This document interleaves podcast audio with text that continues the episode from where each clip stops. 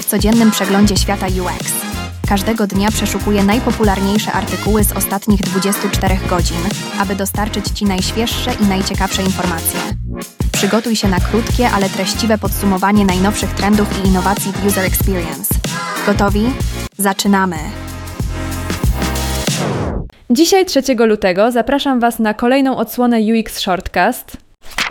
Robert Stribley w swoim tekście Pielęgnowanie kultury projektowej opowiada o tym, jak stworzyć miejsce, w którym projektanci, w tym ci, którzy tworzą strony internetowe przyjazne dla użytkownika, mogą się rozwijać. Uważa, że nie chodzi tylko o zwykłą pracę, ale o współpracę i swobodne dzielenie się pomysłami.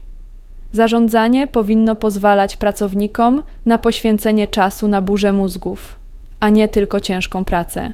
Ponadto szefowie powinni zachęcać swoje zespoły do inicjowania własnych projektów, takich jak wieczory filmowe czy kluby książki, aby utrzymać płynące kreatywne soki. Chodzi o nadanie ludziom mocy kształtowania ich środowiska pracy, czyniąc je miejscem, gdzie mogą się rozwijać i wykonywać swoją najlepszą pracę.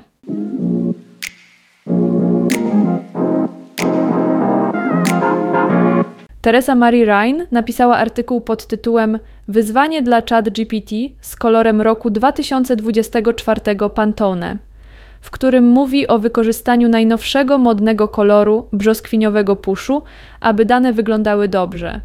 Pantone co roku wybiera modny kolor, a brzoskwiniowy pusz to wielki hit na rok 2024.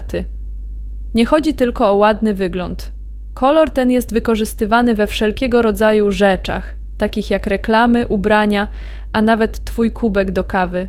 Teresa Marie, która wie mnóstwo o kolorach, próbowała zmusić ChatGPT, ten inteligentny program komputerowy, aby stworzył schemat kolorów z brzoskwiniowym puszem, który działałby dla wszystkich, nawet dla osób, które inaczej postrzegają kolory.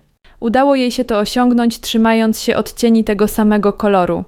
Więc jeśli interesujesz się tworzeniem rzeczy, które przyciągają wzrok, brzoskwiniowy pusz jest kolorem, na który powinieneś postawić w tym roku.